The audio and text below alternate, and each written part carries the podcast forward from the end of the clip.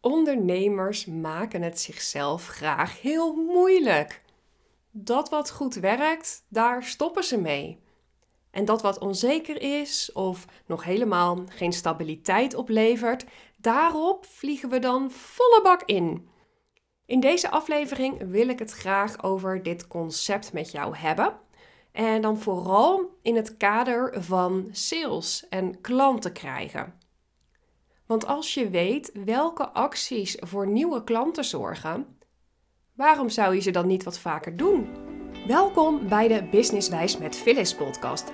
De podcast waarin ik je meeneem in ondernemerschap, doelen halen in je bedrijf, productief werken, mindset, vrouwelijk leiderschap en tja, nog eigenlijk zoveel meer.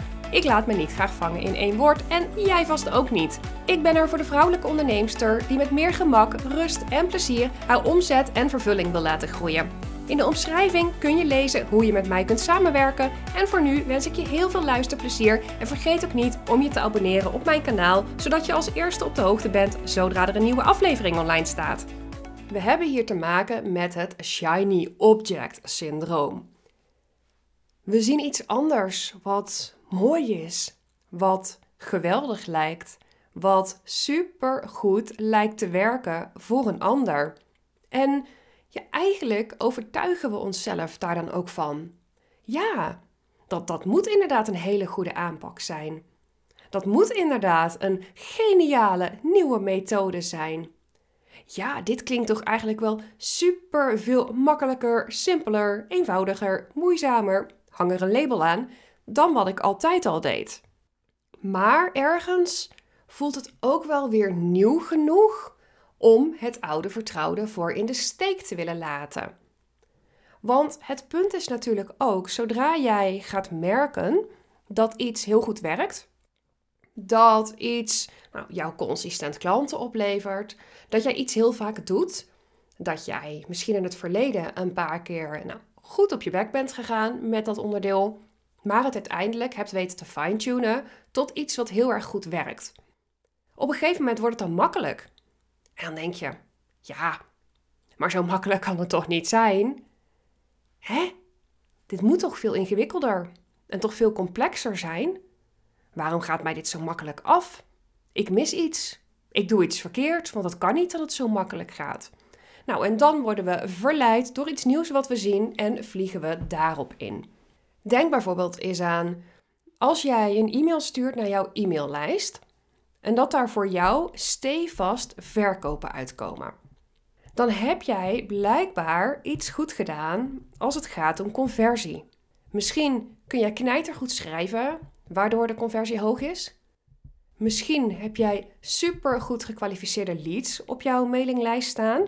Maar wat het ook is, het werkt voor jou heel erg goed.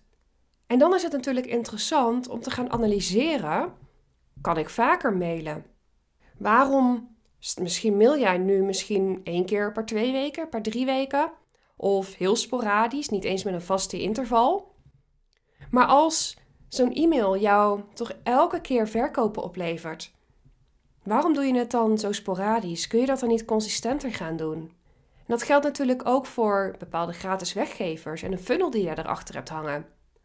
Als jij daar toch een super goed converterende funnel achter hebt zitten, die jij elke keer met kleine aanpassingen kunt inzetten voor een nieuwe weggever, waarom zou je dan die download aanvragen van nou, de 13 e-mails die uh, je conversie verhogen?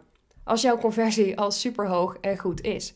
En dit wil niet zeggen dat ik hiermee impliceer dat je je niet openstelt voor verbetering dat je ehm, je afsluit voor fine-tuning.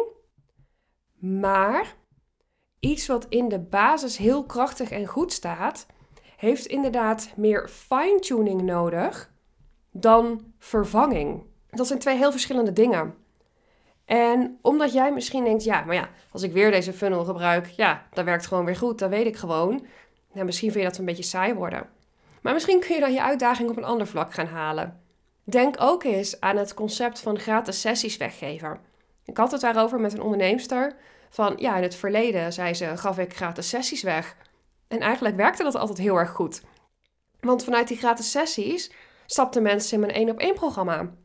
dan is het natuurlijk interessant om je af te vragen: waarom ben ik er eigenlijk mee gestopt? Waarom bied ik die dingen niet meer aan? Waarom doe ik daar geen call to actions meer naartoe? En dat kan erin zijn geslopen. Het wil helemaal niet zeggen dat jij bewust een overweging hebt gemaakt om niet meer die gratis sessies aan te bieden. Waarschijnlijk is dit gewoon verzand geraakt, dat is niet de juiste uitdrukking, maar ondergestrooid. Nou, ondergewaaid? Ik weet het niet. Maakt niet uit. Waarschijnlijk is dit gewoon vergeten. En ja, als je dat dan nu realiseert, misschien doordat je nu naar deze podcast luistert, ja, waarom zou je ze dan niet opnieuw gaan aanbieden? Waarom zou je ze niet eens wat vaker weer onder de aandacht gaan brengen? Want als jij weet dat dat jouw gekwalificeerde klanten oplevert voor jouw grote één op één aanbod, is dat natuurlijk super interessant. Tenzij je nu helemaal vol zit, maar dan nog moet je wel vooruit gaan kijken.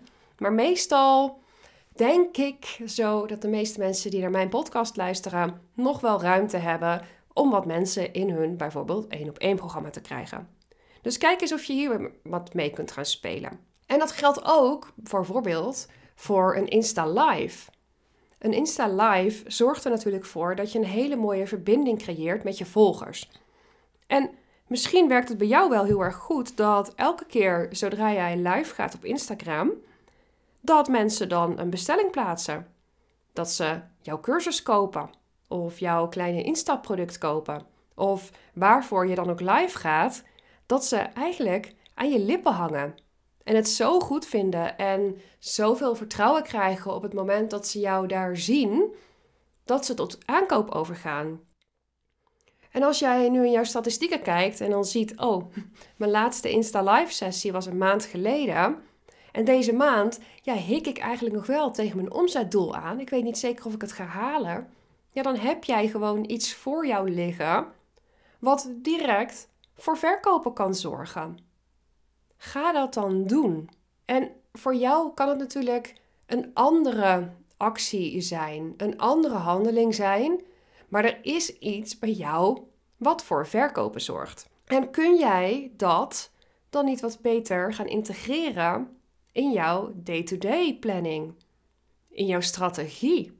Want als jij ervoor zorgt dat je weet wat voor jou werkt, dan kun jij jouw strategie op basis daarvan vormgeven. Moet je dan elke dag een mail gaan sturen? Moet je dan elke dag een call to action doen naar je gratis sessie? Moet je dan elke dag een Insta live sessie geven? Nee, dat is niet wat ik hier zeg.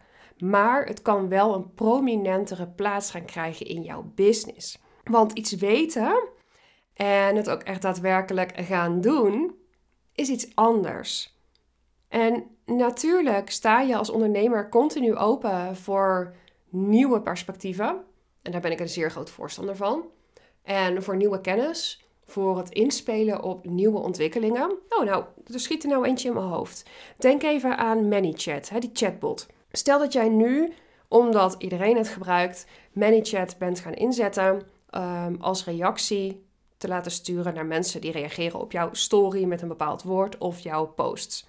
En nou, de mensen ontvangen dat bericht. Nou, die hebben natuurlijk door, dit is een chatbot.